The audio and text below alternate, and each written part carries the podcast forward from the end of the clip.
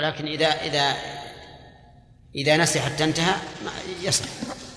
ومحل التسمية اللسان لأنها ذكر وموضعها بعد وموضعها بعد النية ليكون مسميا على جميع الوضوء. فصل ثم يغسل كفيه ثلاثا لأن عثمان وعبد الله بن زيد رضي الله عنهما وصفا وضوء رسول الله صلى الله عليه وسلم فقال فأفرغ على يديه من إنائه فغسلهما ثلاث مرات متفق عليهما. ولأن اليدين آلة نقل الماء إلى الأعضاء ففي غسلهما ففي غسلهما احتياط لجميع الوضوء. ثم إن كان لم يقم من نوم الليل فغسلهم ثم إن كان لم يقم في غسلهما. ولأن اليدين ولأن اليدين ولأن اليدين آلة نقل الماء إلى الأعضاء ففي غسلهما احتياط لجميع الوضوء. أنا عندي احتياط للوضوء لكن ما فرق. نعم. ثم إن كان لم يقم من نوم الليل فغسلهما مستحب لما روى أبو هريرة أن النبي صلى الله عليه وسلم قال إذا استيقظ أحدكم من نومه فليغسل يديه قبل أن يدخلهما الإناء ثلاثا فإنه لا يدري أين باتت يده. متفق عليه. ولم يذكر البخاري ولم يذكر البخاري ثلاثا فتخصيصه هذه الحالة وتخصيصه هذه الحالة بالأمر دليل على عدم الوجوب في غيرها. وإن قام من نوم الليل ففيه روايتان إحداهما أنه واجب. هذا دليل. أقول هذا دليل. لكنه كما رأيتم دليل بالمفهوم. دليل بالمفهوم. ولو أن المؤلف استدل بالآية الكريمة لكان أحسن. وهي قوله تعالى يا أيها الذين آمنوا إذا قمتم إلى الصلاة فأغسلوا وجوهكم ولم يذكر غسل اليدين قبل غسل الوجه وحينئذ يكون غسل اليدين قبل غسل الوجه إنما ثبت بفعل الرسول صلى الله عليه وسلم لا بأمره ولا بأمر الله. والفعل يدل على السنية. السنية لا على الوجوب واضح جماعة؟ نعم. وإن قام من نوم نعم.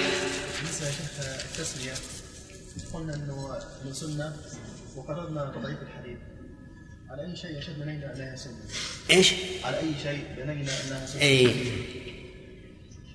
هذا سؤال له وجه. يقول إذا ضعف الحديث فمن أين يكون لنا السنية؟ وقد ذكر صاحب النكت على المحرر وهو ابن ابن مفلح تلميذ شيخ الإسلام ابن تيمية. أن الحديث إذا كان ضعيفا ولم يكن ضعفه شديدا فإنه لا يقوى على الإيجاب. لكن فيه مساغ للاستحباب. وإذا كان النص نهيا الحديث نهيا ولم يكن الضعف شديدا فإنه لا يقوى على التحريم. ولكن يكون فيه مساغ للكراهة. ويكون الأمر بالاستحباب ويكون القول بالاستحباب في باب في باب الأمر وبالكراهة في باب النهي من باب الاحتياط. من باب الاحتياط. نعم. أما إذا كان ضعف شديدا فلا فلا يؤخذ به. محل التسمية اللسان. لكن إذا كان الإنسان دور في المياه إذا قلنا بأنه لا بأس بذكر الله في في حال الخلاء كما هو أحد القولين في المسألة فليسمي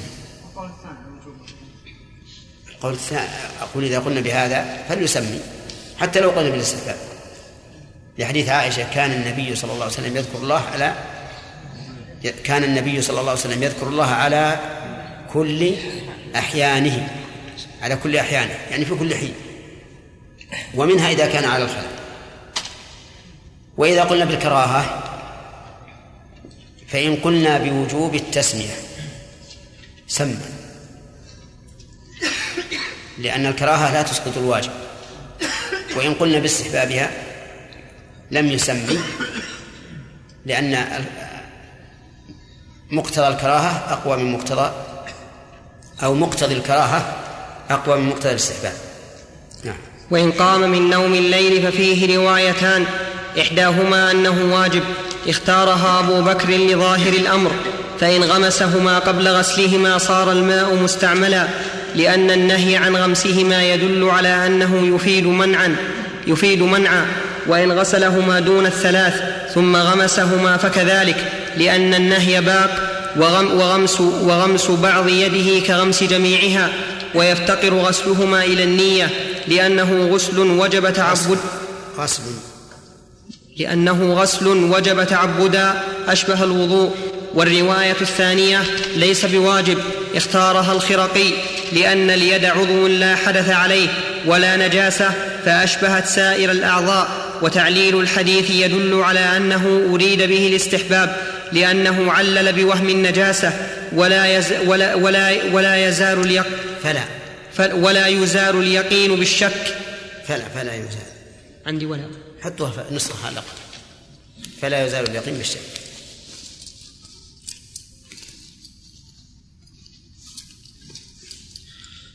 فلا يزال اليقين بالشك فإن غمسهما في الماء فهو باق على إطلاقه. يعني على هذه الرواية.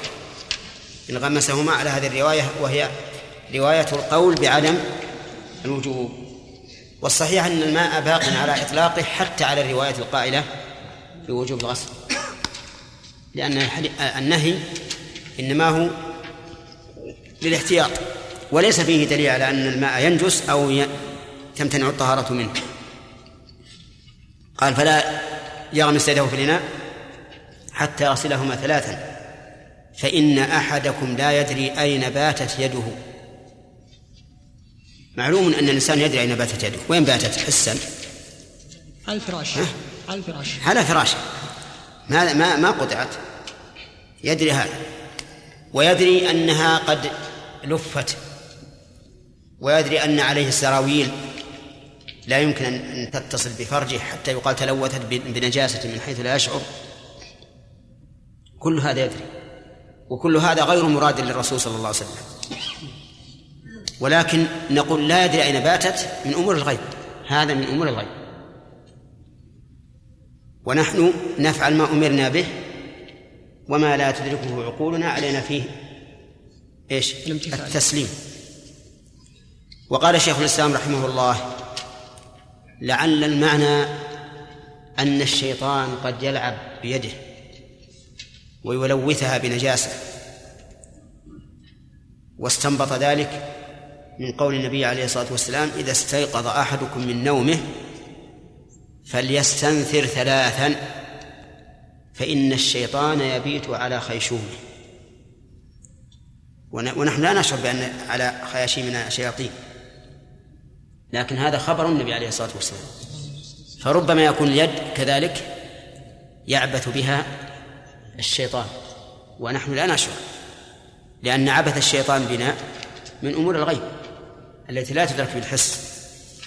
وما قاله رحمه الله وجيه. ما قاله وجيه لا شك. والفقهاء يرون أن هذا من باب التعبد ولهذا يجب غسلها قبل إدخالها الإناء ثلاثا تعبدا. يعني أننا لا نعلم عن التي. نعم. شيخ حسن الله إليك. أقول الذين قالوا بوجوب التسمية عن الوضوء وقالوا إن الحديث إن كان ضعفه بعض أهل العلم فقد حسنه آخرون.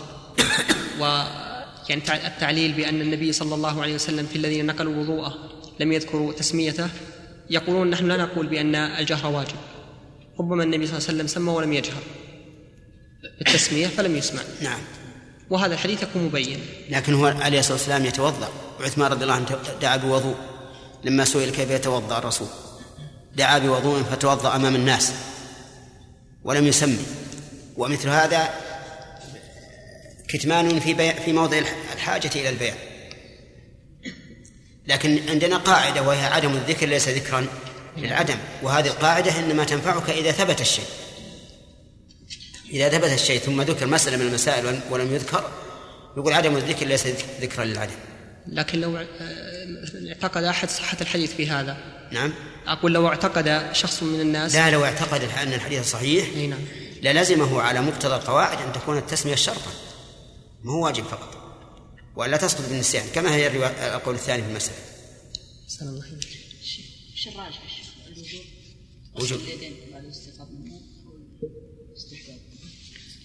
الظاهر ان الأصل النهي. أصل ما في أمر.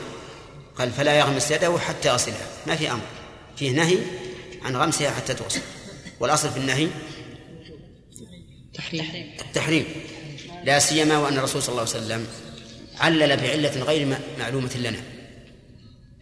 غير معلومة. وإذا كانت غير معلومة فإننا لا نعلم انتفاءها. فالذي يظهر لي أنه لا يجوز للإنسان إذا قام من نوم الليل أن يغمس يده في الإناء حتى يصلها ثلاثة. لكن لو فعل وغمس فالماء باق على إطلاقه أي على طهوريته. فصل. ثم يتمضمض ويستنشق لأن كل من وصف وضوء رسول الله صلى الله عليه وسلم ذكر أنه مضمض واستنشق وهما واجبان. تمام. تمضمض؟ نعم. لأن حتى يتمضمض فيها تاء. لأن كل من وصف وضوء رسول الله صلى الله عليه وسلم ذكر أنه تمضمض واستنشق وهما واجبان في الطهارتين. لقوله تعالى فاغسلوا وجوهكم وهما داخلان في حد الوجه ظاهران. يف يفطر الصائم بوصول القيء إليهما. كيف؟ نعم. يفطر النائم؟ نعم. النائم ما صام حتى يفطر. يفطر الصائم. صائم قطع. يفطر الص يفطر الصائم بوصول القيء إليهما ولا يفطر بوضع الطعام فيهما. ولا يحد بوضع الخمر فيهما ولا يحصل الرضاع بوصول اللبن إليهما ويجب غسلهما من النجاسة فيدخلان في عموم الآية. كل و- هذه تعليلات جيدة تدل على أن الفم والأنف في حكم في حكم الظاهر. نعم. وعنه الاستنشاق وحده واجب لما روى أبو هريرة رضي الله عنه قال قال رسول الله صلى الله عليه وسلم إذا توضأ أحدكم فليجعل في أنفه ماء ثم لينتثر متفق عليه. وعنه أنهما واجبان في الكبرى دون الصغرى لأنها طهارة تعم جميع البدن ويجب فيها غسل ما تحت الشعور وتحت الخفين.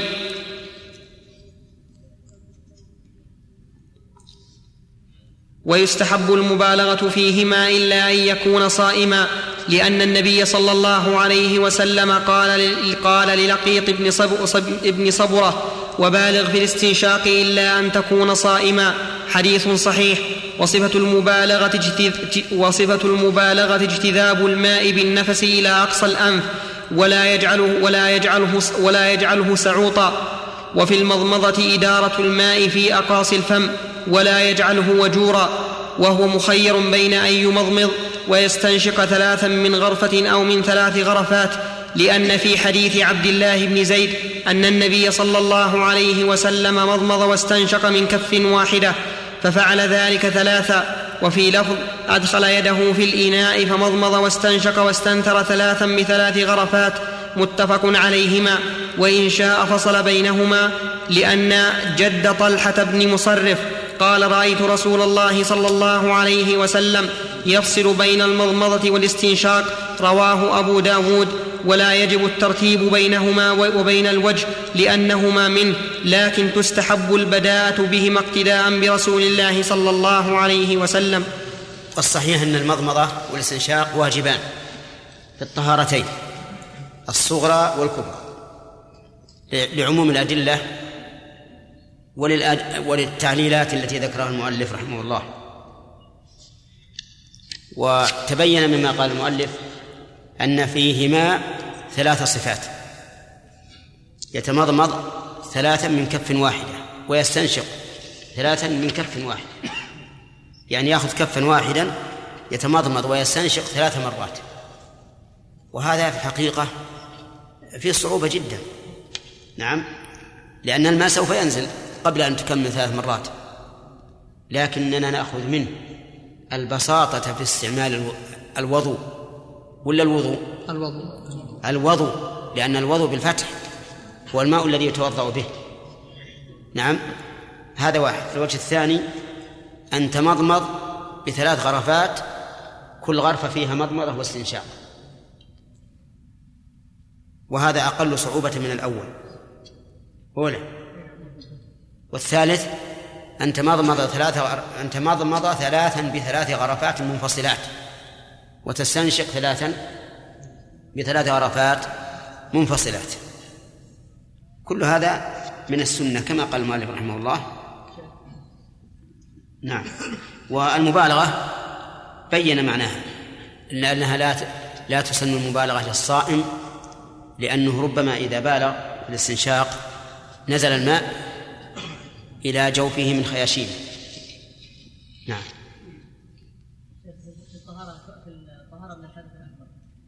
إذا قلنا أن يعني إذا بعض الناس مثلا يذهب إلى حمامه الماء ويصبه من رأسه على جسده جميعا دون أن يستنشق ثم بعد أن ينتهي ثم واستنشق لا بأس لا بأس أن يتمضمض ويستنشق بعد بعد الاغتسال. ما في ترتيب. الغسل ما في ترتيب. الشيخ يقول بسنية الاستنشاق والمضمضة وهم يقولون لأن لأن الله تبارك وتعالى الوجوه نعم. والوجه مشتق مما يواجه الماء نعم. وما يواجه بداخل الأنف مع الغير ولا بداخل الفم مع وهذا القياس يدل على أنه غير واجب. إي نعم. اولا هذا قياس في مقابلة النص. قياس في مقابلة النص. هذا- واحد فيطرح. والثاني أنها لا شك أنهما من الوجه. وأنهما وإن كانا باطنين الإنسان هو ف- فتحه فم- فمه دائما نعم؟ لو كنت دائما فتح فمه. كان هرب الناس منه. فنقول هما في حكم الظاهر بدليل ما ذكر المؤلف. أن الصائم لا يفطر بإدخال الماء فيهما والطعام وما أشبه ذلك. وكذلك أيضا لو وصل القيء إلى الفم وقلنا بأن القيء مفطر فإنه لا لا يفطر بذلك. المهم أنه ما في حكم الظاهر. فصل. ثم يغسل وجهه وذلك فرض بالإجماع لقوله تعالى فاغسلوا وجوهكم وحده من منابت شعر الرأس المعتاد. حده. وحده من منابت شعر الرأس المعتاد إلى من حذر من اللحيين والذ- والذقن طولا. الذقن. والذقن طولا. ومن الإذن إلى الإذن ومن ال ومن ال ومن الإذن ومن الأذن إلى الأذن عرضا. ولا اعتبار بالأصلع طيب. نعم نعم. الذي ينحسر شعره عن ناصيته ولا الافرع الذي ينزل شعره على جبهته. فإن كان في الوجه شعر كثيف يست- يستر البشرة. ه- هذا حد الرأس الوجه. من منابت شعر الرأس المعتاد. وحده بعضهم بحد أوضح. قال من منحنى الجبهة. المنحنى الجبهة مع الرأس هذا حد. ولا اعتبار بالشعر النازل ولا بالشعر المنكمش.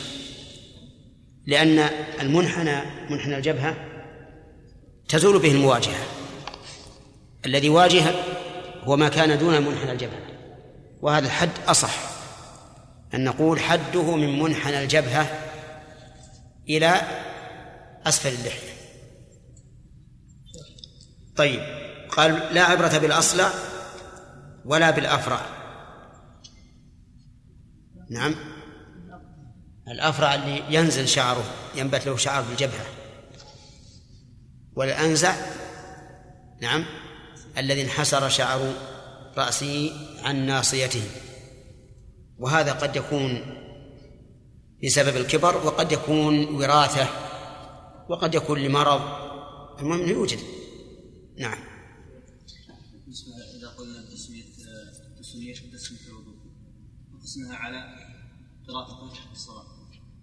السنة على الصلاة. لا يا أخي لا نقول هكذا. نقول إذا صح الحديث وجب أن نجعلها كالفاتحة لا تسقط بالسهو. ولكن ولو كانت الصيغ متقاربة فقد روت عن النبي صلى الله عليه وسلم صيغ صيغة في الوجوب وصيغة في الاستحباب وين الوجوب؟ وين الوجوب؟ في الفاتحة لا تصح الصلاة يعني إذا نسيها المصلي لا تصح الصلاة طيب. بينما وش الصي... وش الصيغة اللي وردت؟ لا لا صلاة لمن لم يقم طيب والصيغة اللي وردت في, في, في, التسمية؟ تسمية الوضوء؟ إذا لا وضوء لا وضوء لمن لم يذكر اسم الله لا صلاة لمن لم يقرأ لا وضوء لمن لم يسم ولكن ذكر على صيغة الوجوب؟ أبد كل الصيغة واحدة. صيغة واحدة. إذا نسي الفاتحة فلا تصح صلاته اصبر بارك الله فيك. الصيغة واحدة. عرفت ولا لا؟ أنت, أنت الآن قرر في نفسك أن الصيغة واحدة. نعم الصيغة الصيغة واحدة. نقول إذا كانت الصيغة واحدة وصح الحديث لا وضوء لمن لم يذكر اسم الله عليه وجب أن أن تكون التسمية ركنا في الوضوء. لا تسقط بالسهو كما أن الفاتحة ركن بالصلاة لا تسقط بالسهو هذه يقول لك قلنا انها سنه إلى أن الحديث ما ثبت فنحن نقول للذين أثبتوا الحديث لماذا تجعلونها واجبة تسقط بالسهو ما هذا تناقض ما معنى السعود؟ ها؟ السعود. فيها الوجور والسعوط السعوط ما استنشق من الأنف. يعني ما دخل إلى المعدة من الأنف يسمى سعوطا. والوجور ما دخل من جانب الفم. لأن المريض أحيانا ما يستطيع أن يتلقى الطعام على العادة فيدخلونه من جانب الفم. يسمى هذا وجور. عرفته؟ طيب. فإن كان في الوجه شعر كثيف يستر البشرة لم يجب غسل ما تحت لم يجب غسل ما تحته لأنه باطن أشبه أشبه باطن أقصى الأنف ويستحب تخليله لأن النبي صلى الله عليه وسلم خلل لحيته. وروى أنس رضي الله عنه أن النبي صلى الله عليه وسلم كان إذا توضأ أخذ كفا من ماء فأدخله تحت حنكه فخلل به لحيته وقال هكذا أمرني ربي عز وجل. رواه أبو داود. وإن كان يصف البشرة وجب غسل الشعر والبشرة وإن كان بعضه خفيفا وبعضه كثيفا وجب غسل وجب غسل ظاهر الكثيف وبشر وجب غسل ظاهر الكثيف وبشرة الخفيف معه وسواء في هذا شعر اللحية والحاجبين. وسواء في هذا شعر اللحية والحاجبين والشارب والعنفقة لأنها شعور معتادة في الوجه أشبهت اللحية. طيب. الظاهر اللحية معروفة والحاجبان؟ معروف معروفة هذان. ها؟ اين ها؟ ننزل شوي. هذه؟ نعم. طيب. هذا حاجب العنفقة؟ معروف. هذه العنفقة التي تكون بين الذقن والشفة هذه العنفقة نعم.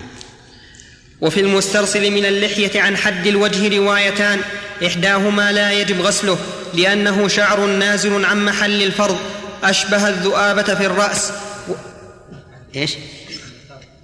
عن محل الفرض.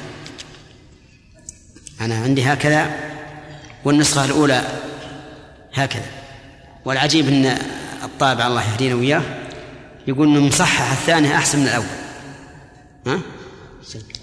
نسأل الله العافية نعم إحداهما لا يجب غسله لأنه شعر نازل عن محل الفرض أشبه الذؤابة في الرأس والثاني يجب لأنه نابت في الثاني ولا بشرة الثانية؟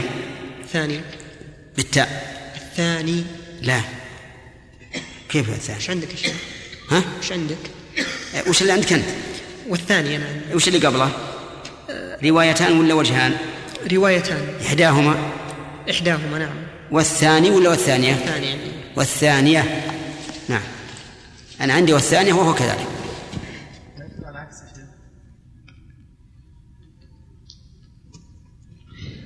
والثانية يجب لأنه نابت في بشرة الوجه أشبه الحاجب ويدخل في حد الوجه ال... طيب. الآن فهمنا أن ما استرسل من اللحية عن حد الوجه يعني ما نزل. هل هو من من- الوجه أو لا؟ يعني هل يجب غسله أو لا؟ فيه روايتان نحن رواية أنه يجب. والتعليل ليس كما قال المؤلف إنه شعر نابت في محل الفرض فكان كالحاجب. يقول التعليل لأنه تحصل به المواجهة. فيكون من الوجه. نعم. والرواية الثانية لا يجب غسل المسترسل من شعر اللحية لأنه خارج عن حد الوجه بناء على- أن الوجه هو البشرة فقط دون ما استرسل. نعم. وجوب. لا يصح الوضوء إلا بهما. ها؟ لا لا ثلاثا. ما فيه ما زاد عن الواحدة في كل الأعضاء فهو سنة. سلامة. ها؟ تقليل؟ يأخذ كفا من ماء ويقول هكذا. لا ما هو لازم. والثانية يجب لأنه نابت في بشرة الوجه أشبه الحاجب ويدخل في حد الوجه العذار وهو الشعر الذي العذار. العذار؟ نعم. ويدخل في حد الوجه العذار وهو الشعر وهو الشعر الذي على العظم الناتئ سمت صماخ الأذن إلى الصدغ. والعارض الذي تحت العذار والذق والذقن وهو مجتمع والذقن وهو مجتمع اللحيين.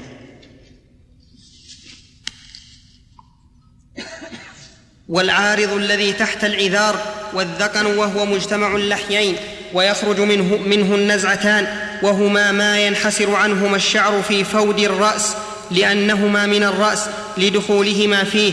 والصدغ وهو الذي عليه الشعر في حق الغلام محاذ لطرف الأذن الأعلى. لطرف.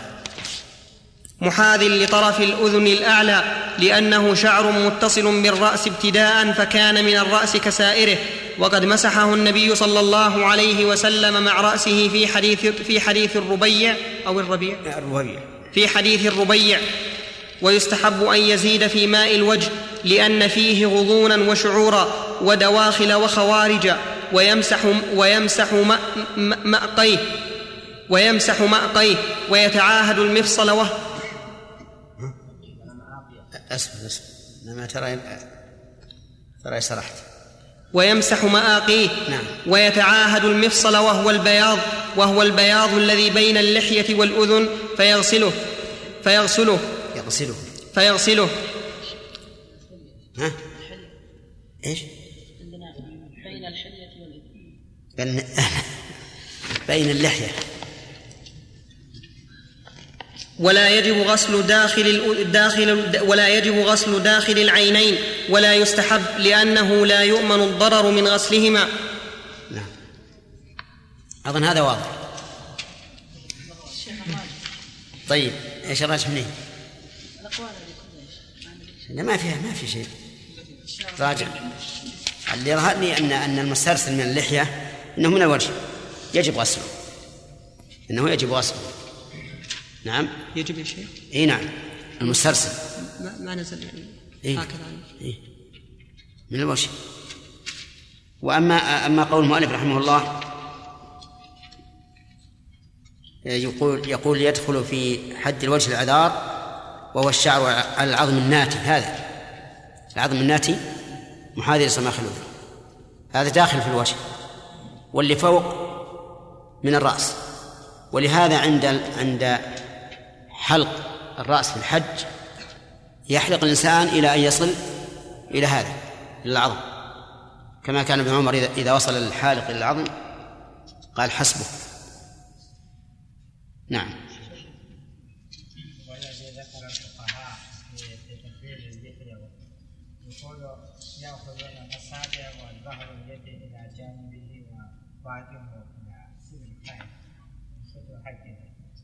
لا أصل لأقوال أي نعم. هذا كان الرسول يأخذ كفا من ماء من تحت لحييه هكذا يقول. معليش يا شيخ إذا اللحية نزلت إلى ركبة ما حد المستوسم المسترسل إلى, إلى, إلى, إلى الركبة.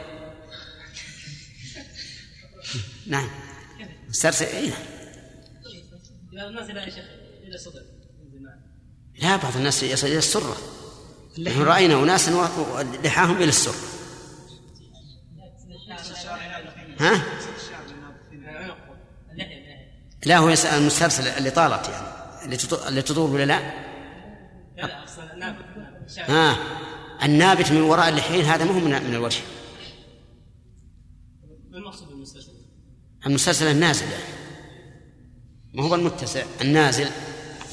نعم. والعارض الذي تحت العذار والذقن. والذقن.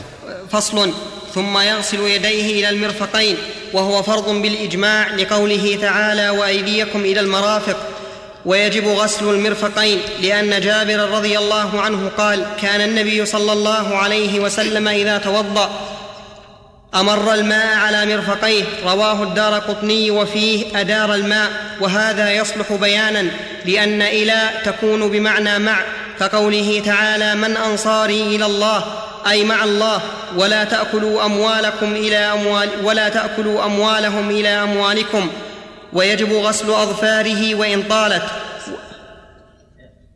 استشهاده بالآيتين فيه نظر لأن قول من أنصاري إلى الله مضمن مضمن يعني من أنصاري مخلصا حتى نصل إلى الله. ولا تأكلوا أموالهم إلى أموالكم كذلك. مضمن. المعنى لا تضموا أموالهم إلى أموالكم. يعني بالأكل وغير الأكل. طيب. لكن الدليل من السنة أصح مما ذكره عن رواية الدار قطني. حديث أبي هريرة في صحيح مسلم أن النبي صلى الله عليه وسلم غسل ذراعيه حتى أشرع في العضد. ولا يمكن أن يشرع في العضد إلا إذا غسل المرفقين. نعم. ولو استدل به المؤلف لكان أجود. مع قيد الماقين ألا ما يكون في, في الوجه من يعني المغابن نعم. رجل. الآن ما يمكن ما يقبلون يمكن أن يرجم أحد أو إلا. سيف حصلت هذا. حصلت عندنا.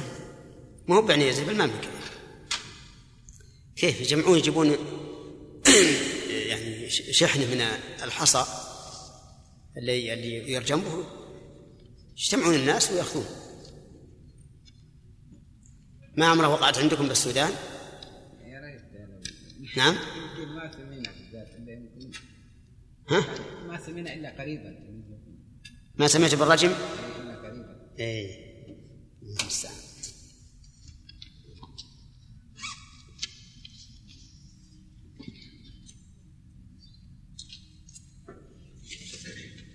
المستعان بسم الله بسم الله الرحمن الرحيم. الحمد لله رب العالمين. والصلاة والسلام على نبينا محمد وعلى آله وصحبه أجمعين. قال الإمام الموفق رحمه الله تعالى فصل ثم يغسل يديه إلى المرفقين وهو فرض بالإجماع لقوله تعالى وأيديكم إلى المرافق. ويجب غسل المرفقين لأن جابرا قال كان النبي صلى الله عليه وسلم إذا توضأ مر الماء على مرفقيه. رواه المؤلف وهو فرض بالإجماع. وهو فرض بالإجماع. وقد انتقد بعض العلماء المتأخرين مثل هذه الصيغة. وقال ينبغي أن يقول وهو فرض بالكتاب والسنة والإجماع. لأن الكتاب مقدم ثم السنة ثم الإجماع.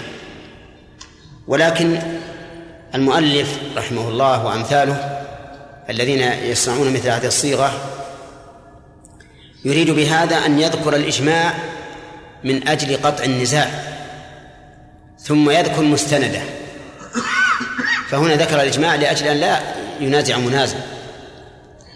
بخلاف الكتاب والسنة قد يأتي إنسان ينازع ويقول ليس فيه دلالة ليس فيه فيه احتمال للتخصيص فيه كذا فيه كذا. فإذا ذكر الإجماع ثم ذكر مستنده فهذه وجهة نظر. إيه والصحيح أنه لا بأس لا بأس أن تقول هو جائز بالإجماع لقوله تعالى أو لقول النبي صلى الله عليه وسلم أو ما أشبه ذلك. فتذكر الإجماع لأجل أن تقطع النزاع ثم تذكر مستنده. نعم. لأن جابرا قال كان النبي صلى الله عليه وسلم إذا توضأ أمر الماء على مرفقيه. رواه الدار قطني وفيه أدار الماء. وهذا يصلح بيانا لأن إلى تكون بمعنى مع كقوله تعالى وفيها أدار؟ ما عندها. إذا توضأ عندكم إيش؟ أمر. أمرت ذا أمر الماء على مرفقيه. رواه الدار قطني. اي وفيه أدار الماء. آه، يمكن فيه رواية. نعم. وفيه أدار الماء وهذا يصلح بيانا لأن إلى تكون بمعنى مع كقوله تعالى من أنصاري إلى الله أي مع, أي مع الله أي مع الله ولا تأكلوا أموالهم إلى أموالكم. أي مع أمواله ويجب غسل أظفاره وان طالت والأصبع الزائدة والسلعه لأن ذلك من يده وإن كانت له يد زائدة أصلها في محل الفرض وجب غسلها لأنها نابتة في محل الفرض. أشبهت الأصبع وإن نبتت في أشبهت الأصبع وإن نبتت في العضد أو المنكب لم يجب غسلها وإن حالت محل الفرض لأنها في غير محل الفرض فهي كالقصيرة. وإن كانت له يدان متساويتان على منكب واحد وجب غسلهما لأن إحداهما ليست أولى من الأخرى. وإن تقلعت وإن تقلعت جلد تعلقت. تعلقت؟ نعم.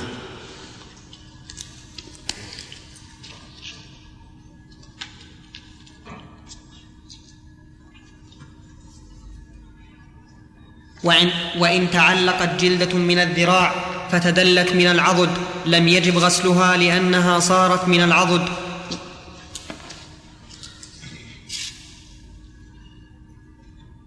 طيب الظاهر الظاهر اللي عندكم أحسن. تقلعت؟ إن تقلعت من العضد فتدلت من الذراع.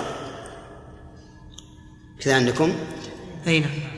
لا انتقل من الذراع فتدلت من العضد. لم يجب غسلها لأنها صارت من العضد.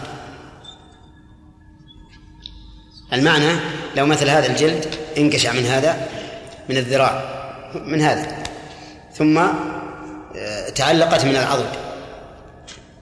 لم يجب غسلها لأنها تكون من العضد والعكس بالعكس. إن تقلعت من الذراع من العضد فتدلت من الذراع وجب غسلها اللي عندي ظاهر إنه الصحيح تقلعت يعني؟ إيه صحيح الظاهر أنا بكتب لعلها تعال تقلعت.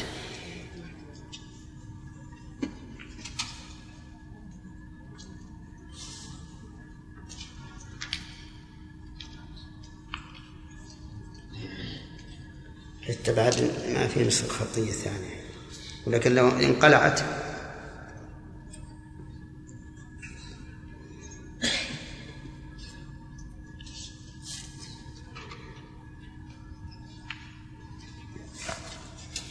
وإن تقلعت من العضد فتدلت من الذراع وجب غسلها لأنها متدلية من محل الفرض.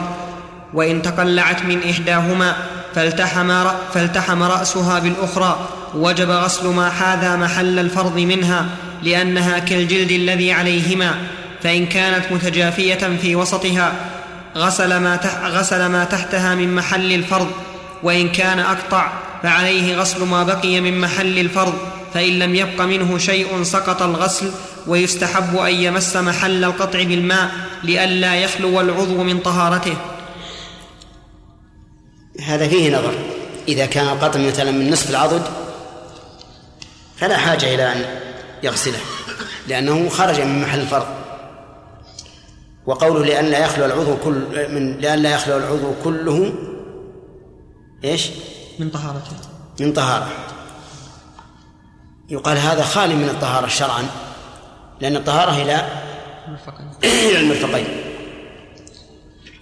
لكن لو قطع من المفصل لو قطع من المفصل من هنا وجب أن يغسل رأس العضد لأن رأس العضد من المرفق. نعم. وتستحب وتستحب البداءة بغسل اليمنى من يديه طيب ورجليه. عندكم لئلا يخلو العضو؟ لئلا يخلو. العضو من طهارته. كله ما عندنا كله إيه، طيب وش بعده؟ أه، وتستحب البداءة ها وش بعده؟ وتستحب البداءة بغسل اليمنى من يديه ورجليه لأن النبي صلى الله عليه وسلم كان يحب التيمن في ترجله وتنعله وطهوره وفي شأنه كله طهور وط- في ترجله وتنعله وطهوره وفي شأنه كله متفق عليه في. في ترجله يعني إصلاح الشعر شعر الرأس. وكان صلى الله عليه وسلم له شعر رأس. وفي الحلق لما حلق في الحج بدأ باليمين. وأما تنعله فهو لبس النعل. ومثله لبس الخف ومثله لبس الثوب. تبدأ باليمين.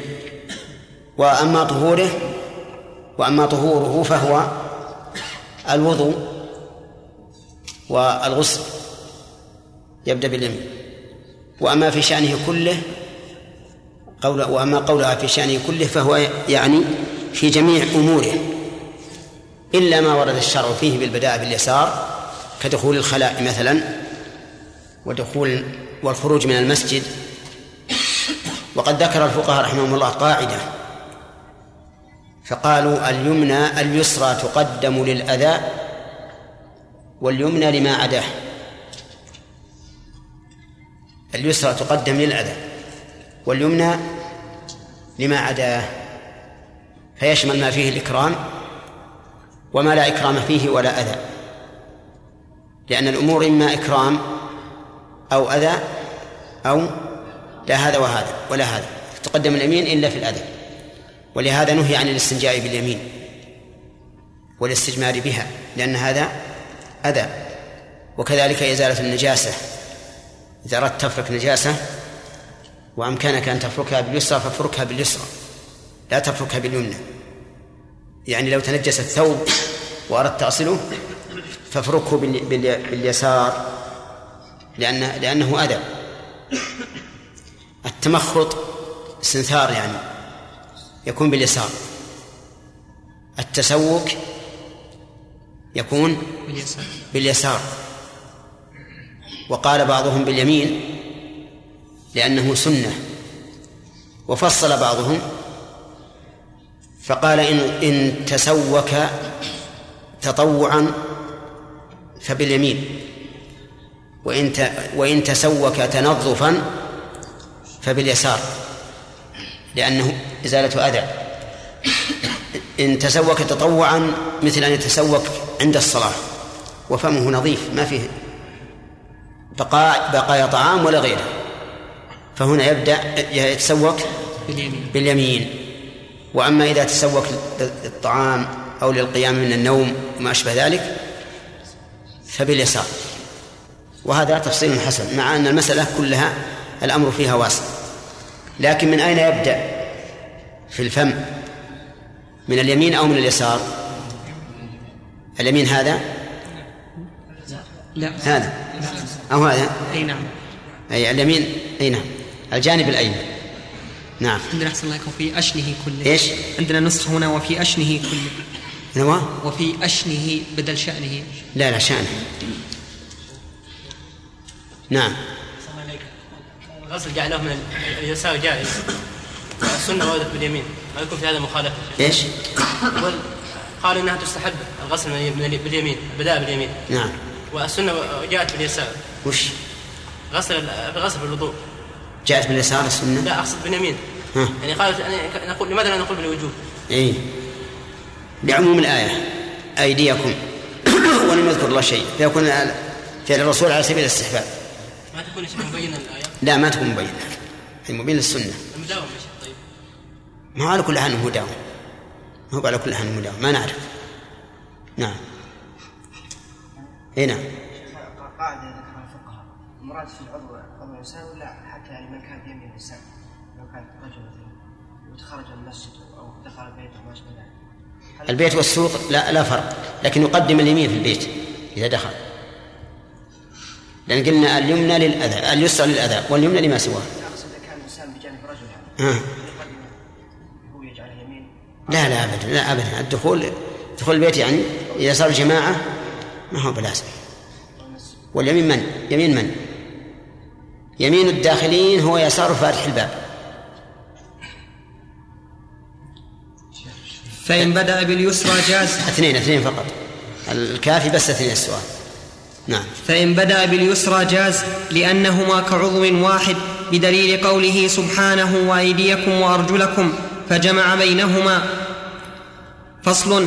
ثم يمسح رأسه وهو فرض بغير خلاف لقوله تعالى وامسحوا برؤوسكم وهو ما ينبت عليه الشعر المعتاد في الصبي مع النزعتين. ويجب استيعابه لقوله تعالى وامسحوا برؤوسكم. والباء للإلصاق فكأنه قال امسحوا رؤوسكم وصار كقوله فامسحوا بوجوهكم وأيد- وأيديكم منه. قال ابن برهان من زعم أن الباء للتبعيض فقد جاء أهل اللغة بما لا يعرفونه.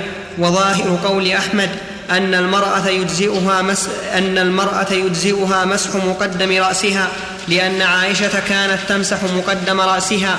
وعنه في الرجل أنه يجزئه مسح بعضه لأن النبي صلى الله بعض عليه رأسه. سم. بعض يجزوه مسح بعضه عندي نسخة اللي عندي بعض رأسه. يجزئه مسح بعض رأسه.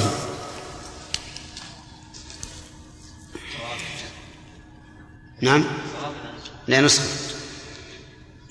وعنه في الرجل أنه يجزئه مسح بعض رأسه لأن النبي صلى الله عليه وسلم مسح بناصيته وعمامته رواه مسلم.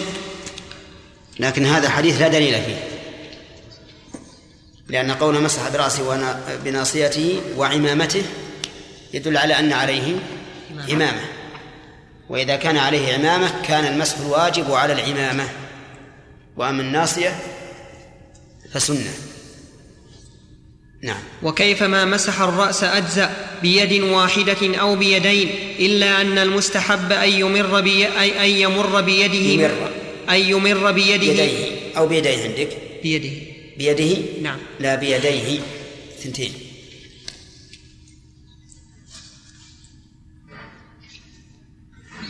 إلا أن المستحب أن يمر بيديه من مقدم رأسه إلى قفاه ثم يعيدهما إلى الموضع الذي بدأ منه لأن عبد الله بن زيد رضي الله عنهما قال في صفة وضوء قال في صف قال في صفة وضوء النبي صلى الله عليه وسلم ثم مسح رأسه بيده فأقبل بيديه.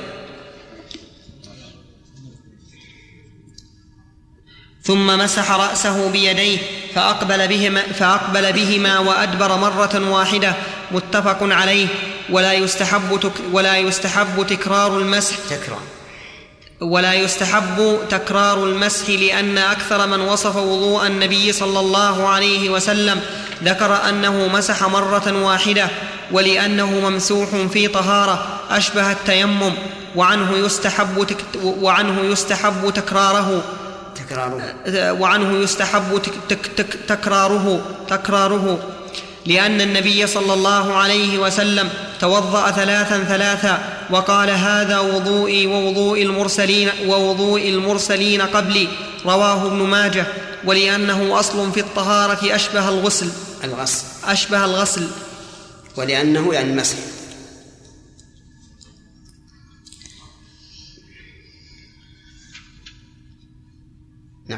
أحسن الله إليك. نعم الصحيح. الصحيح أنه لا يمسح إلا مرة واحدة. لأن الشرع كما خفف في كيفية تطهيره خفف في كميته. فالأعضاء التي سوى الرأس تطهيرها بالغسل والرأس تطهيره بالمسح. فلما خفف الكيفية كان من الحكمة التخفيف الكمية وهي العدد. نعم. أحسن الله إليك. مسألة الغترة. مثل العمامة يمسح على لا لا. غسله أي. لا يعني لإمكان إزالتها يعني. إيه كل سهولة. والطاقية أيضا. لكن الغترة العمامة أحسن الله إليك. بالإمكان أيضا. لا تنفل. تنفل. أسأل المتعممين. لو يكشطها انفلت. كأنك تشير إلى لا هداية الله إيش تقول هداية الله؟ لا ما يجوز ها؟ إيه يقول ما يجوز المسح على العمامة ما يجوز؟ ما يجوز؟ يعني ليس من الرأس هذا لا لا من الرأس كم ما يبقى على رأسك الآن لا لا لا يعني يقول بعض الفقهاء ما لا يجوز. صح عن الرسول عليه الصلاة. صح عن النبي لكن لكن لو توخره ما ما ما تنفل؟ لو توخرها ما تفكك؟ نعم. ذكر المصنف رحمه الله تعالى في في بيان الإله بمعنى مع وأورد أحد الدليلين من القرآن الذي إله بمعنى مع وهذا لا يدل على أن الإله في هناك بمعنى ما. لأن الآية في مثلا أتم الصيام إلى الليل ليس بمعنى ما. صح. وهذه الآية مع آية ليس عنده رب حتى هذا كذلك كما هو. و- وذكر فقهاء الأحناف دليلا آخر واضحا فيها هم يقولون إذا كان الحكم لقطع ما وراء فهو بمعنى المعنى وإذا كان لمد الحكم فهو بمعنى ال- الغاية. الغاية. مثلا يد يدل على من هنا إلى هنا. وإذا قال إلى المرفقين فيدل على أن إلى بمعنى مع يعني إسقاط إسقاط ما وراء و- وفي إلى الليل هناك بمعنى انتهاء الغاية. لأن الصوم يدل على إمساك ساعة. وهذا الإله يدل إلى مد الحكم إلى آخر. على كل حال نحن ذكرنا فيما سبق أن الذي يوضح إلى بمعنى ما فعل الرسول عليه الصلاة والسلام. فقد ثبت في صحيح مسلم أن أبا هريرة توضأ حتى أشرع في العضد وقال هكذا رأيت النبي صلى الله عليه وسلم. وهو في مسلم. وحديث ابن ماجه أنه أدار أدار الماء على مرفقيه أو أمر الماء على مرفقيه أيضا واضح. نعم. وأما, وأما الآيتان فقد نبهتكم على هذا. قلت إن في الآيتين تضمينا. أليس كذلك؟ من أنصاري إلى الله ولا تأكل أموالهم إلى أموالهم. قلنا هذا أصلا الفعل ليس معدا بإلى لكن معنى لا تأكل أي لا تضموا أموالهم. لا تضموا أموالهم إلى أموالكم والضم يقتضي الجمع. ومن أنصاري إلى الله يعني من أنصاري مخلصا إلى الله. هنا. وال لا ما ما ما بظاهر ما ينضبط. والأذنان من الرأس يمسحان معه لقول النبي صلى الله عليه وسلم الأذنان من الرأس رواه أبو داود وروت الربي وروت الربيع بنت معوذ أن أن رسول الله صلى الله عليه وسلم مسح برأسه وصدغيه وأذنيه مسحة واحدة. رواه الترمذي وقال حديث صحيح. ويستحب إفرادهما بماء جديد لأنهما كالعضو المنفرد. وإنما, هم وإنما هما من الرأس على وجه التبع ولا يجزئ مسحهما عنه لذلك قول النبي عليه الصلاة والسلام الأذنان من الرأس. هذا الحديث إن صح فالظاهر لي أن المراد الأذنان من الرأس يعني في الوضوء. فيمسحان معه. وأما في الحلق في العمرة والحج ففي وجوب حلقه ما نظر. لأن الأذنين يكون فيهما شعر فهل نقول إن الإنسان إذا حلق يجب عليه أن يحلق أذنيه؟ لأنهما من الرأس. أو نقول إن قوله من الرأس الأذنان من الرأس إن صح الحديث فالمراد في الوضوء. في الوضوء. هذا هو الأقرب. هذا هو الأقرب. نعم.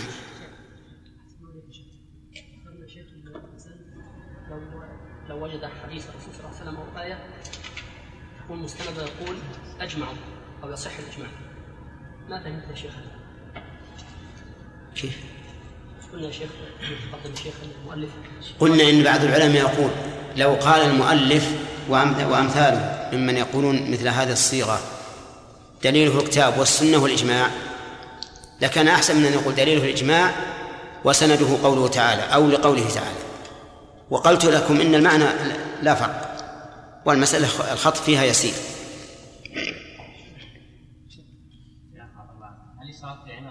لها؟ ما وصلنا هنا إيه، بعدين إن شاء هذا أحسن الله إليك. عنده كلام على الحديث هذا؟ الله أي. حديث الأذنان من الرأس. نعم. حاشي. إيه. وش يقول؟ يقول سلمك الله وفي سنده سنان بن ربيعة وشهر بن حوشب وفيهما كلام. وانظر سلسلة الأحاديث الصحيحة رقم 36 وروي عن أصحاب النبي صلى الله عليه وسلم أن الأذنين من الرأس رواه ابن ماجة والدار قطني والبيهقي وأحمد في المسند وهو حديث صحيح بمجموع طرقه فإن له طرقا كثيرة عن جماعة من الصحابة والعمل على هذا عند أكثر أهل العلم. طيب. وظاهر كلام أحمد أنه لا يجب مسحهما لذلك ويستحب أن يدخل سباحتيه في صماخ في صماخي أذنيه ويجعل إبهاميه طيب لظاهرهما ويستحب إفرادهما بماء جديد ليش؟ خليتها. سم؟ خليت ويستحب إفرادهما. طيب. ويستحب إفرادهما بماء جديد لأنهما كالعضو المنفرد وإنما هو وإنما هما من الرأس على وجه التبع. ولا يجزئ مسحهما عنه لذلك. قوله يستحب افرادهما بماء جديد فيه نظر. الصحيح أنه لا يستحب لأنهما من الرأس ولأنه لم يثبت عن النبي صلى الله عليه وسلم أنه كان يأخذ ماء جديدا لأذنيه. فالصواب أن الإنسان يمسح أذنيه بما فضل من رأسه ولا يأخذ ماء جديدا نعم.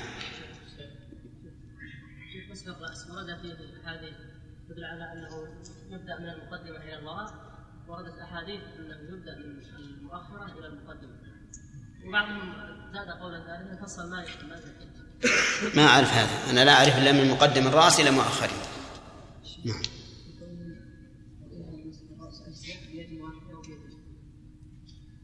نعم. إي نعم. يجزي. لو مثلا لو لو بل يده ثم أدارها على كل الرأس كذا اجزى لأن مقصود المسح. ولا يجزئ مسحهما عنه لذلك وظاهر كلام أحمد أنه لا يجب مسحهما لذلك ويستحب أن يدخل سباحتيه في صماخي أذنيه ويجعل إبهاميه لظاهرهما. ولا يجزم مسحهما عنه. ما بعد ذلك عندي. أنا, أنا عندي لذلك. يصلح لذلك يعني لأنهما كالعضو المنفرد. طيب. حط نسخة. عندي أنا منتهى ولا يجزم مسحهما عنه ويستحب أن يدخل سباحتيه في صماخي أذنيه ويجعل إبهاميه لظاهرهما ولا يجب مسح ما نزل عن الرأس من الشعر. السبابة السباحة والسبابة هي هذا ما بين الوسطى والإبهام. ولا يجب والصماخ ثقب الأذن والظاهر ظاهر الأذن اللي يلي الرأس. نعم؟ الصدق هذا. ولا يجب مسح ما نزل عن الرأس من الشعر ولا يجزئ عن الرأس ولا يجزئ نعم. سم ولا يجزئ مسحه. ولا يجزئ مسحه. مسحه نعم.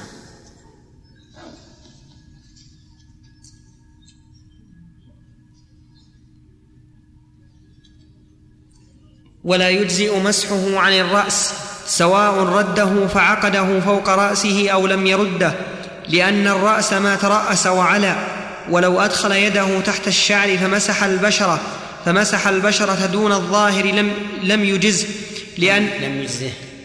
لم يجزئه لم يجزه. لم يجزه. ما بهمزة لا ما عندي همزة. إيه يقول لم يجزه. طيب. فمسح البشرة دون الظاهر لم يجزه لأن الحكم تعلق بالشعر فلم يجزه مسح غيره ولو مسح رأسه ثم حلقه أو غسل عضوا ثم قطع جزءا منه أو أو جلده. أو جلده أو جلده. جلدة. أو جلدة بالتاء. أو غسل عضوا ثم قطع جزءا منه أو جلدة لم لم يؤثر في طهارته. لأنه لأنه ليس ببدر عما تحته فلم يلزمه بظهور فلم يلزمه بظهور طهارة.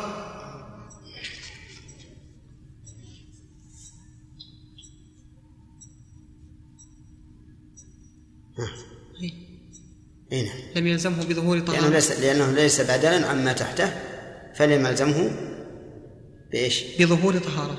بإيش؟ بظهور بظهور طهارة. بظهور. أي إيش؟ طهارة. أنا عندي فلم يلزمه بطهوره طهارة. أيوة. وفيها حتى في أشكال. شيخ بظهوره طهارة فلم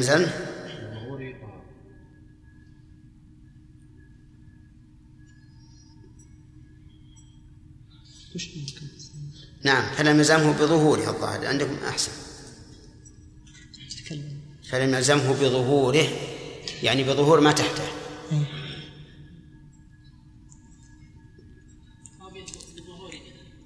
نعم. عندي بظهوره بالضمير. فيها ضمير. طيب. نعم. يقول لأنه ليس ببدل عما تحته فلم يلزمه بظهوره طهارة. احترازا من الخف. الخف يمسحه فإذا أزاله وجب عليه الوضوء. على كلام الفقهاء رحمهم الله. وهذا لا لأنه ليس بدلا عما تحته والخف بدل عما تحته. فلازمه بظهوره أي ظهور ما تحته طهارته نعم. فإن أحدث بعد ذلك غسل ما ظهر لأنه صار طاهرا فتعلق ظاهر. الحكم. سم. صار ظاهرا.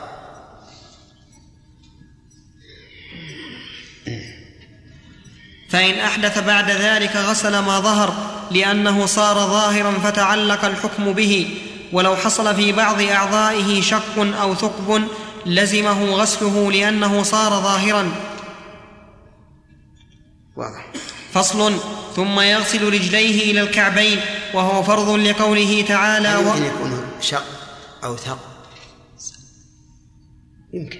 في بعض أعضائه. كثيرا في في العراقيب. الأعقاب دائما يكون فيها شقوق. شقوق. لا سيما عند بعض الناس لينتفها بعض الناس إذا مسها وشافها حرشة نعم صار ينتفها علشان بزعمه تكون ملسة تتساوى. لكنه يضعف الجلد ثم يتفطر. ولهذا ينبغي لك أن تتركها حتى لو كانت حرشة لو كانت تمسك ثيابك إذا قمت اتركها فيها الحديد هذا اللي يحكه وتستوي مع باقي الرجل. شلون؟ في حديد الحين بالصيدلية آه، مبرد. هذا لل- هذا للقشور هذه. ولا منشار غادي آه، سم. غادي منشار أحسن. لا لا لا مبرد. إيه. مبرد هالكبر. مقاسات يجي. إيه. وتحك به الرجل وتغادي آه، أملس من بطن الرجل. ولكن ما تفطر؟ لا لا ما تفطر. ما تفطر لكنها تقعد لفترة تقعد لفترة سلمك الله يعني حوالي أسبوع أسبوعين ثم تعود كما كانت. إذ هذا إذا آه، يعني مشيت آه، مكشوف الرجل ما لبست ما لبست كندرة يعني. لا هو أحسن شيء للشطوب هذه الشقوق. أحسن شيء كريمزان تع- تعرفونه. كريمزان ما هو معروف؟ جل- جلسرين. لا لا لا. هو معروف كريمزان آه، في طابوق طابوق زي زي الساعة. نعم؟ كيف ما يوجد؟ أنا عندي له يجي عشر سنين ما موجود. أي نعم. لا حطوا على هذا خذ عود كبريت وحطه على الشطب ي- يروح. ثم اعلق ال- الكبريت واصهره عليه وتصبر لو أوجعك. خلاص إذا قمت من النوم وله ميت. هذا هذا مجرب مجرب اللي عنده شقوق يستعمل هذا. يبحث يسأل عن عن هذا الدواء. نعم. كريم- كريمزان؟ إيه اسمه كرامزان موجود؟ إيه. هو موجود لكن يعني ولاد هن يولع بعود سبريت ويحط إيه عليه إيه، إذا حطيت أخذت بعود الكبريت بالاصل بعود الكبريت وحطيته على على الشق فاصهر بالظن بالنار خلاص. إيه. فصل ثم يغسل رجليه إلى الكعبين وهو فرض لقوله تعالى وأرجلكم إلى الكعبين ويدخل الك ويدخل ويدخل الكعبين في الغسل لما ذكرنا سم. في الغسل. ويدخل الكعبين في الغسل لما ذكرنا في المرفقين ولا يجزئ مسح الرجلين لما روى عمر أن لما روى عمر أن رجلا ترك موضع ظفر من قدمه اليمنى فأبصره النبي صلى الله عليه وسلم فقال ارجع فأحسن فأحسن وضوء فأحسن وضوءك وضوءك فرجع. نعم. فأبصره النبي صلى الله عليه وسلم فقال ارجع فأحسن وضوءك فرجع ثم صلى رواه مسلم. وإن كان الرجل أقطع اليدين فقدر على أن يستأجر من يوضئه بأجرة مثله. لزمه كما يلزمه كما يلزمه شراء الماء. وهذا الذي ذكر المؤلف أن مسح الرجلين لا يجزئ هو الصواب بلا شك. وقالت الرافضة إن مسح الرجلين يجزي. واعتمدوا على القراءة السبعية. وامسحوا برؤوسكم وأرجلكم إلى الكعبين. أرجلكم. وتركوا القراءة السبعية الأخرى وهي وأرجلكم بالنصب عطفا على قوله وجوهكم. قال ابن كثير والرافضة خالفت السنة في تطهير الرجل من ثلاثة وجوه. الأول أنهم قالوا إنها تمسح مسحا لا تغسل غسلا والثاني أنهم قالوا إن الكعب هو هذا العظم الناتئ في ظهر الرجل. هذا. عرفتموه؟ نعم. دون العظم الناتئ في أسفل الساق. فقصروا. والثالث أنهم منعوا المسح على الخفين. قالوا لا يمكن على الخفين. فخالفوا السنة من هذه الوجوه الثلاثة. نعم. ولا نعم, نعم. ارجع فاحسن الوضوء ورجع ثم صلى. لو أن الإنسان وجد بقعه قبل أن يصلي فيه ركوع. أي نعم. يغسلها ويغسل ما بعدها. بعد ما اي يغسلها ويغسل ما بعدها لأجل الترتيب. نعم سلامة. شيخ لما وضع على الساق وغسل يا شيخ. ونسي يمسح عليه. ثم صلى. أصابه الماء ولا لا؟ أصابه الماء. يجزي. ما يعيد الصلاة. الصحيح أن الغسل يجزي عن المسح لا سيما مع النسيان. نعم. ولا يعفى عن شيء من طهارة الحدث وإن كان يسيرا لما ذكرنا من حديث عمر ويستحب أن يخلل أصابعه لأن النبي صلى الله عليه وسلم قال إذا توضأت فخلل أصابع يديك يديك ورجليك. رواه الترمذي وقال هذا حديث حسن فصل ويجب ترتيب الوضوء على ما ذكرنا فيه. قوله أنه يجب لا يعفى عن شيء ولو يسيرا. واستدل بالحديث أن رجلا ترك موضع ظفر من قدمه وهذا هو المشهور. ويدل له قوله تعالى فاغسلوا وجوهكم وأيديكم وأرجلكم. وإذا كان هناك مانع يمنع وصول الماء لم يصدق عليه أنه غسل العضو. لكن الشيخ الإسلام رحمه الله قال إن الشيء اليسير يعفى عنه لا سيما في من ابتلي به. وهذا ينطبق على أصحاب على العمال الذين يستعملون البوية. فإنه كثيرا ما يكون فيهم نقطة أو نقطتان إما أن ينسوها أو لا يجدون ما يزيلونها به في الحال. فعلى رأي الشيخ الشيخ الإسلام رحمه الله يعفى عن هذا. ولكن ينبغي أن نأخذ بالحديث وأنه لا يعفى عن الشيء ولو كان يسيرا. فهو إن أمكنه أن يزيله قبل أن يخرج وقت الصلاة زاله وإلا مسح عليه وصار كالجبيرة. نعم. آخر واحد. المرأة هل يجزيها تمسح على بعض رأسها؟ لا لا مثل الرجل الرأس كله. شيخ استدل بحديث عمر على أنه الموالاة نعم. في احتمال الحديث. في احتمال. لكن آه، ورد في السنن فأمره أن يعيد الوضوء أن يعيد. وكلمة يعيد قد تصلح أن تكون تفسيرا لأحسن لأن من أعاد الوضوء على وجه صحيح فهو محسن للوضوء. إيه. نعم. بسم الله الرحمن الرحيم. الحمد لله رب العالمين وصلى الله وسلم على عبده ورسوله نبينا محمد وعلى آله وصحابته أجمعين. قال ابن قدامة رحمه الله تعالى فصل ويجب ترتيب في الوضوء على الكافي في الكافي قال ابن قدامة رحمه الله تعالى في الكافي فصل ويجب ترتيب الوضوء على ما ذكرنا في في ظاهر المذهب وحكي عنه أنه ليس بواجب لأن الله سبحانه وتعالى لأن الله سبحانه وتعالى عطف الأعضاء المغسولة بالوا- بالواو ولا ترتيب فيها ولنا أن في الآية قرينة تدل على الترتيب لأنه أدخل الممسوح بين المغسولات. إيش؟ إيش؟ لا قرأناه قرأناها جزاك الله خير. الله يصلح. لأننا كاتب من حديث عمر طيب. هو سطر الظاهر.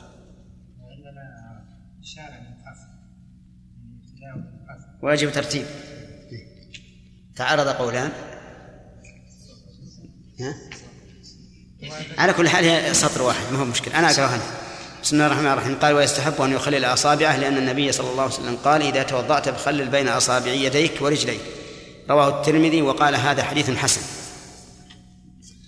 والحقيقة أننا كنا بالأول يعني عزمنا على أن نوزع الأحاديث بين بينكم لتخريجها. وإن لم يكن التخريج المطول يكفي مثلا أن تشوفوا كلام العلماء عليها هل هو حسن صحيح ضعيف. لكن أظن ذكر أن فيه تخريج العبد الهادي ابن عبد الهادي وقلنا نكتفي به. ولكن مع هذا لعلنا نبقى على تصميمنا وننتفع وليكن نور نور على نور. فهذا الحديث في ظني أنه ليس بصحيح. وإن كان الترمذي حسنه لكن من من الممكن أن يخرج وسنبدأ إن شاء الله بالتخريج من من الآن. فمن يأخذه عنا؟ ما في تعليق. طيب. تخليل؟ طيب لأن خصوصا أصابع الرجلين لأن أصابع الرجلين تكون منضما بعضها إلى بعض. أما أصابع اليدين فالغالب أنه لا بد أن يأتيها الماء لأنها آلة الوضوء. نعم. نعيد الفصل إي نعم فصل ويجب ترتيب الوضوء على ما ذكرنا في ظاهر المذهب وحكي أنه ليس قوله على ما ذكرنا وقف. يعني يرتب على ما ذكرنا فيبدأ بالوجه ثم اليدين ثم الرأس ثم الرجلين. وقوله في ظاهر المذهب متعلق بيجب لا ب... لا لا بذكرنا. يعني يجب في ظاهر المذهب. نعم. وحكي عنه أنه ليس بواجب لأن الله سبحانه وتعالى عطف الأعضاء المغسولة بالواو ولا ترتيب فيها. ولنا أن في الآية قرينة تدل على الترتيب لأنه أدخل الممسوح بين المغسولات وقطع النظير عن نظيره وقطع النظير عن نظيره ولا يفعل الفصحاء ولا يفعل الفصحاء هذا إلا لفائدة ولا نعلم ولا نعلم هنا فائدة سوى الترتيب. ولأن النبي صلى الله عليه وسلم لم ينقل عنه الوضوء الوضوء ألو لم ينقل عنه الوضوء إلا مرتبا وهو يفسر كلام الله بقوله مرة وبفعله مرة أخرى. بقوله مرة مثل قوله صلى الله عليه وسلم ألا إن القوة الرمي؟ يفسر قوله تعالى وأعدوا لهم ما استطعتم من قوة. ومثل قوله الزيادة هي النظر إلى وجه الله. يفسر قوله تعالى الذين أحسنوا الحسنى وزيادة. أما الفعل فكما هنا وفيه أيضا دليل قولي عام وهو قوله صلى الله عليه وسلم حينما اتجه إلى الصفا بعد الطواف فدنا من الصفا قال قرأ إن الصفا والمروة من شعائر الله أبدأ بما بدأ الله به. وفي رواية ابدأوا في غير مسلم أبدأ لفظ مسلم والرواية الثانية في غير مسلم ابدأوا بما بدأ الله به. فهذا أيضا دليل. وعلى هذا فالصحيح وجوب الترتيب. ولكن بعض أهل العلم قال إنه يسقط الترتيب بالنسيان. يسقط الترتيب بالنسيان. وفي النفس من هذا شيء. وإن كان هذا ظاهر كلام الشيخ الإسلام رحمه الله في الفتاوي أنه يسقط الترتيب بالنسيان. أما بالجهل في قوم الجهل فيهم عام كالبادية فالقول بسقوط الترتيب وجيه. يعني لو جاءنا مثل البدوي قال أنا لي مثل خمس سنين ست سنين أتوضأ وأصب وجهي ثم رأسي أمسحه ثم يدي ثم رجلي. أظن أن الأعلى هو الذي يبدأ به أولا. والرأس والوجه ها؟ أعلى شيء. فهذا نعم ربما نعذره. ونقول رجل في بادية ليس عندهم علماء ويظن هذا هو الصواب فيعذر. كما عذر النبي عليه الصلاة والسلام عمار بن ياسر حينما تمرغ في الصعيد للتيمم. نعم. فإن نكس وضوءه فختم بوجهه لم يصح إلا غسل وجهه. إلا غسله إلا غسل وجهه. وإن غسل وجهه ويديه ثم غسل رجليه ثم مسح برأسه ثم مسح برأسه صح, صح وضوءه إلا غسل رجليه فيغسلهما ويتم وضوءه. نعم. هذه مسائل واضحة. فصل ويوالي بين غسل الأعضاء وفي وجوب الموالاة روايتان. إحداهما إحداهما يجب لأن النبي تجب. إحداهما تجب. لا صح. لأنه إذا كان الضمير مؤنثا ولو كان مجازيا ها؟ يجب التأنيث. قال ابن مالك وإنما تلزم فعل مضمر متصل أو مفهم ذات حريم نعم. إحداهما تجب لأن النبي, لأن النبي صلى الله عليه وسلم رأى رجلا يصلي وفي رجله لمعة قدر الدرهم لم يصبها الماء فأمره أن يعيد الوضوء والصلاة. رواه أبو داود. ولو, ولو, لم, ولو لم تجب الموالاة لأجزأ لأجزأه غسلها ولأن النبي صلى الله عليه وسلم والى بين الغسل والثانية لا تجب لأن المأمور به الغسل وقد أتى به وقد روي عن ابن عمر رضي الله عنهما أنه توضأ وترك مسح خفه وترك مسح خفيه حتى دخل المسجد فدعي لجنازة فمسح عليهما وصلى عليها. والتفريق والتفريق المختلف فيه أن يؤخر غسل هنا روايتان عن أحمد في الموالاة. هل هي فرض واجب أو لا؟ والصحيح أنها واجب أن الموالاة واجبة لأن الوضوء عبادة واحدة فلا يصح أن يفرق ولأننا لو قلنا بعدم الموالاة لصار الإنسان يغسل وجهه عند طلوع الشمس ويغسل يديه في منتهى الضحى ويمسح رأسه قبل الزوال بنص ساعة ويغسل رجليه بعد بعد الزوال. ونقول هذا توضأ. صعب أن نقول إن هذا وضوء صحيح. فالصواب أن نقول إن الموالاة فرض ولا بد منها. والدليل على هذا أولا أن الله قال إذا قمتم فاغسلوا والشرط جليل المشروط وهنا الشرط مكون من إيش؟ من أعمال متعددة. فإذا كان نعم إذا كان الشرط هنا من أشياء متعددة وقلنا أنه يلي المشروط لزم أن تتوالى هذه الأشياء. ثانيا أن النبي عليه الصلاة والسلام لم يحفظ عنه أنه توضأ متفرقا وضوءا متفرقا. وقد قال الله تعالى لقد كان لكم في رسول الله أسوة حسنة. ثالثا أنه أي الوضوء عبادة واحدة فلا بد أن ينبني بعضها على بعض بدون تفريق. نعم.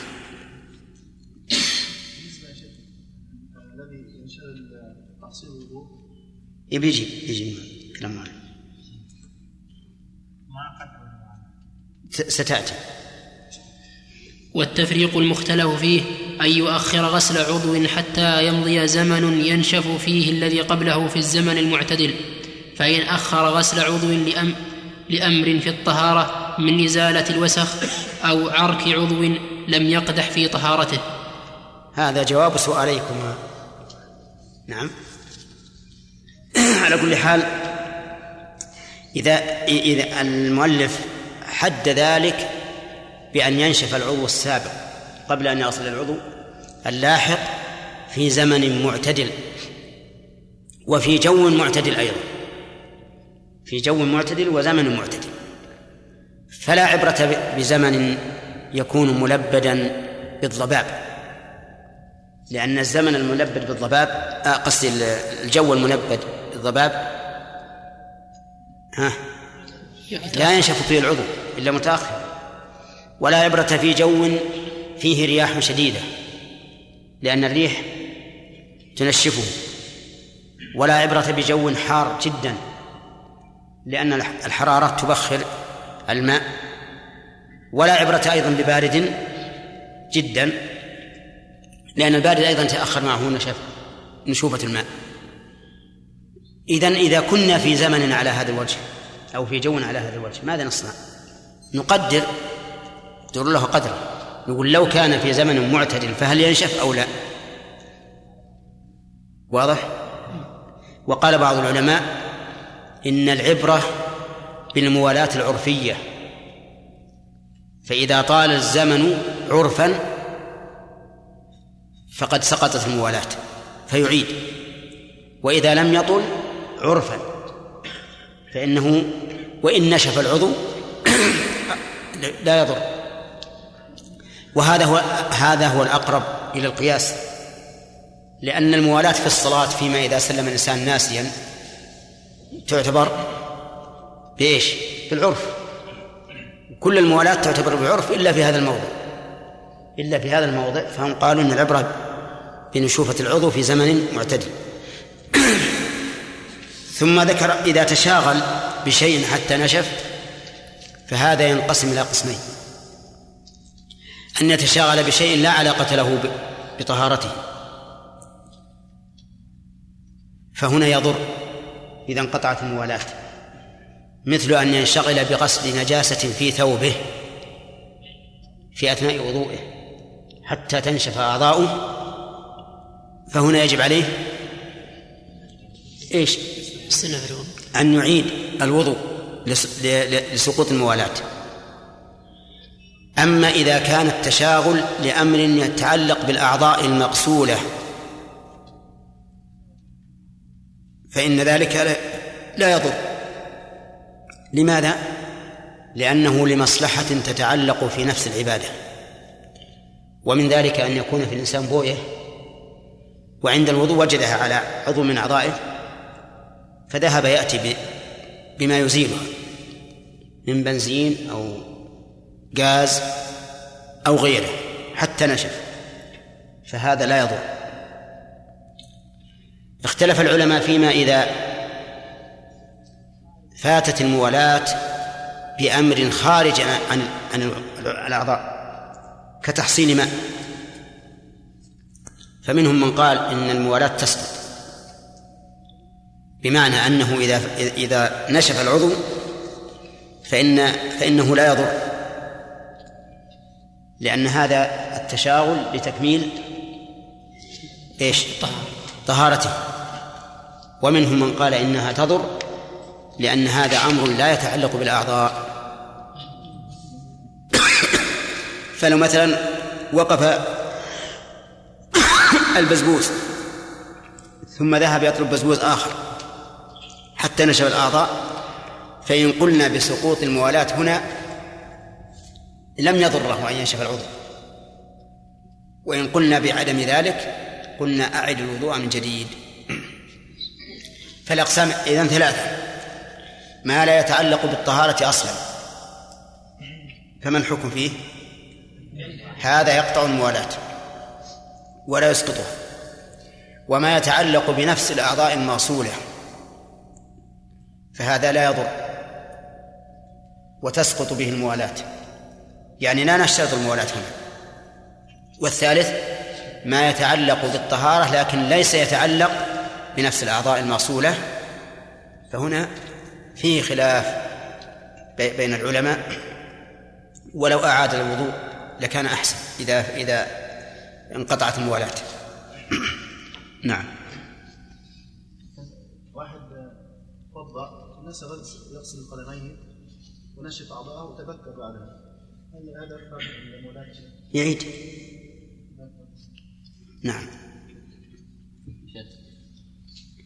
على صحة أثر ابن عمر كيف يجاب عليه؟ من فعله. اجتهاد. نعم. اثنين اثنين نعم. فصل. والوضوء والوضوء مرة مرة يجزئ والثلاث أفضل لأن النبي صلى الله عليه وسلم توضأ مرة مرة وقال هذا وضوء من لم يت وقال هذا وضوء من لم يتوضأه وضوء من لم.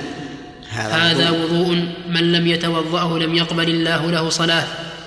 ثم ثم توضأ مرتين ثم قال هذا وضوء من هذا وضوء من توضأه أعطاه الله كفلين من الأجر. ثم توضأ ثلاثا ثلاثا ثم قال هذا وضوئي وضوء هذا وضوئي ووضوء المرسلين قبلي. أخرجه ابن ماجه. نعم. من يخرج لنا الحديث؟ محمد أمين. وقد ذكر شيخ الإسلام رحمه الله فائدة وهي أن من فرد به ابن ماجه فالغالب عليه الضعف. الغالب أن جميع من فرد به ابن ماجه فهو ضعيف. هكذا قال رحمه الله. وشيخ الإسلام كما تعرفون حافظ من أئمة الحديث. محمد أمين.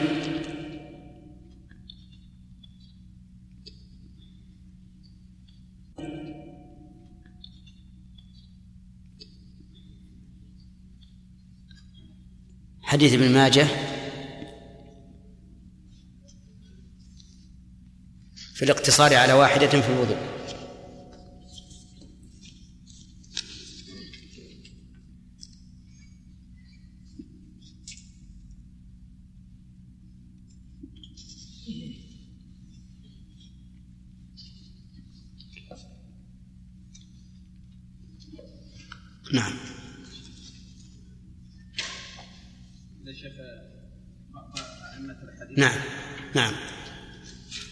غسل بعض أعضائه أكثر من بعض فلا بأس. فقد حكى عبد الله بن زيد وضوء رسول الله صلى الله عليه وسلم فغسل يديه مرتين ثم مضمض واستنثر ثلاثا ثم غسل يديه مرتين إلى المرفقين ثم مسح غسل ثلاثا وغسل وجهه ثلاثا. ما عندكم؟ لا موجودة عندي.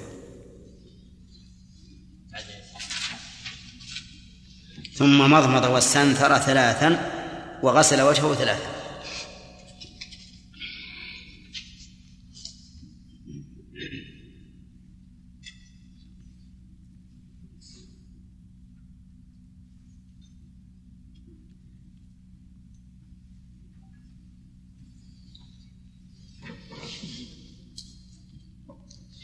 ثم مضمض واستنثر ثلاثا وغسل وجهه ثلاثا ثم غسل يديه مرتين إلى المرفقين ثم مسح رأسه بيديه فأقبل بهما وأدبر بدأ بمقدم رأسه ثم ذهب بهما إلى قفاه ثم ردهما حتى رجع إلى المكان الذي بدأ منه ثم غسل رجليه متفق عليه.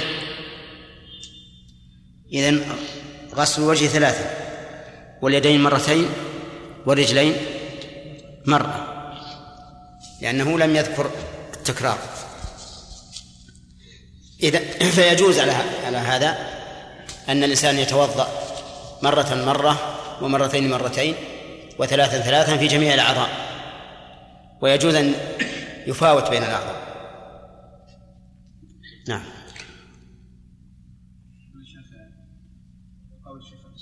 قالوا انه اراد في نعم. لأن إذا صار المتن صحيح ما تفرد به. نعم. ولا يزيد على ثلاث لأن أعرابيا سأل النبي صلى الله عليه وسلم عن الوضوء فأراه ثلاثا ثلاثا ثم قال هذا الوضوء فمن زاد على هذا فقد أساء وظلم. رواه أبو داود.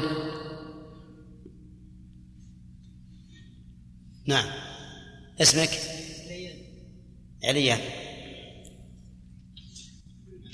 حديث الزيادة على الثلاث. وهذا الحديث يدل على أن الزيادة على الثلاث محرمة لأن النبي صلى الله عليه وسلم وصفها بالإساءة والظلم وكلاهما وصفان يدلان على تحريم الفعل. نعم. ويكره الإسراف في الماء لأن النبي صلى الله عليه وسلم مر على سعد وهو يتوضأ فقال لا تسرف. قال يا رسول الله في الماء إسراف. قال نعم وإن كنت على نهر جار. رواه ابن ماجه. رواه ابن ماجه. عبد الرحمن. ها؟ عبد الرحمن رستم. اصبروا. عبد الرحمن رستم في الإسراف. الإسراف في الماء. من اللي يقول؟ في الحاشية. أي أي أي الحديثين؟ إيه. ولهذا أخذ بعض الناس. نعم. طيب على كل حال ما يخالف. شو يقول؟ صفحة رقم 85 إيه وش يقول فيه؟ آه يعني قصدك إنه إيه؟ هذا ما أقول انت اسئله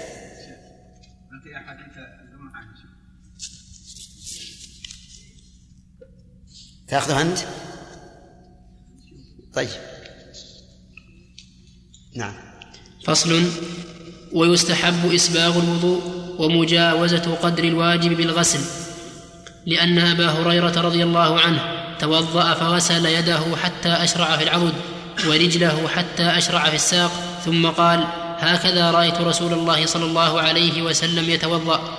وقال قال رسول وقال قال رسول الله صلى الله عليه وسلم أنتم الغر المحجلون يوم القيامة من إسباغ الوضوء فمن استطاع منكم فليطل فليطل غرته وتحجيله متفق عليه. هاتان مسألتان الأولى إسباغ الوضوء ولا شك في استحبابه. لقول النبي عليه الصلاة والسلام ألا أخبركم بما